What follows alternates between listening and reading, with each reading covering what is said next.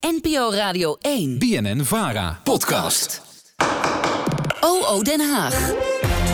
Elke dinsdag gaat onze Haagse redactie op zoek naar het antwoord op een politieke luisteraarsvraag. En deze week stelde onze politieke redacteur Sandrine zo'n vraag aan Christine Teunissen. Zij is Kamerlid voor de Partij voor de Dieren. De Nieuwsbv. De vraag Aan Den Haag. Het is dinsdag, dus tijd voor een nieuwe vraag van een luisteraar. Hey Nieuwsbv, ik heb een vraag. Hoe bereiden Kamerleden zich eigenlijk voor op zo'n debat? Christine Teunissen, de nummer 2 van de Partij van de Dieren, wilde ons wel een kijkje achter de schermen geven van hoe ze dat eigenlijk doet.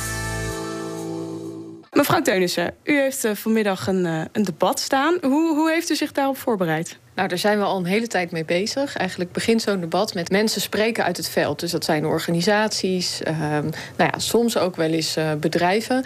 Uh, dit is een debat over handel en ontwikkelingssamenwerking. Dus dan praten we met uh, degenen die daarbij betrokken zijn.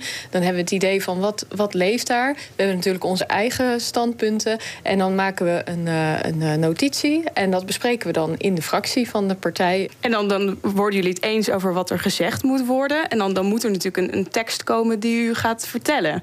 Schrijft u die zelf? Nou, dat is wisselend. Soms dan zit ik uh, zelf heel goed in het onderwerp en dan schrijf ik ook liever zelf mijn tekst. Soms schrijf ik ook helemaal geen tekst. Dan doe ik het uit mijn hoofd. Dan schrijf ik alleen een aantal punten op van nou, dit wil ik echt, deze vraag wil ik echt aan de minister stellen. Of dit wil ik echt bereiken voor een debat. En dan, uh, dan doe ik de rest uit mijn hoofd. En een enkele keer bereidt een medewerker een spreektekst voor. Dus de ruwe tekst, zodat daar alles in staat. En dan ga ik daar nog eens een keer uh, langs om, uh, om dat mijn eigen te maken. We zitten hier nu in uw kamer. Loopt u hier dan rond om dat, uh, om dat te oefenen? Nou, oefenen doe ik vaak op de fiets. Oh. Dus uh, ik, ik woon ook in Den Haag. Dus dan ga ik altijd op de fiets. En dan s ochtends dan ben ik nog af en toe even aan het repeteren. En, en bent u dan vooral bezig inderdaad met uw collega-Kamerleden te overtuigen? Of bent u ook nog bezig met wat de mensen thuis hiervan vinden?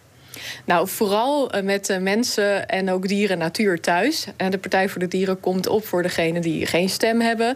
Dus ook in dat debat heb ik steeds in mijn achterhoofd van wat betekent bijvoorbeeld nu vanmiddag dat beleid voor de natuur. We hebben het vanmiddag over de ontbossing in de Amazone bijvoorbeeld. En Nederland die, nou ja, draagt daar ook aan bij met praktijken zoals de veehouderij. Uh, dus nou ja, dat soort dingen stellen wij aan de kaak. En steeds met in het achterhoofd dat je daar zit namens een bepaalde groep. Dus dat kan de natuur natuur zijn, het kan dieren zijn, maar het kunnen ook een bepaalde groep mensen zijn. Soms klagen mensen nog wel eens, ja, het duurt allemaal zo lang en het is een beetje saai, de debatten. Ja, ik kan me heel goed voorstellen dat veel mensen die kijken denken van, nou, wat uh, een ambtelijke taal, wat duurt het lang?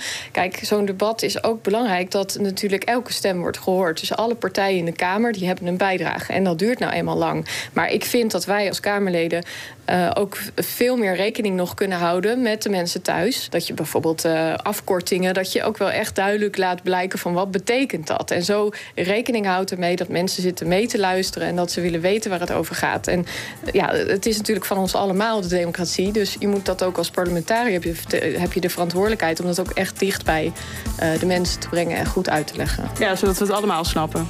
Ja, precies. Ja, absoluut. Heb je ook een vraag aan Den Haag? Stel hem dan aan de politieke redactie van de Nieuwsbv via de Radio 1-app bijvoorbeeld... of via de Nieuwsbv op Instagram.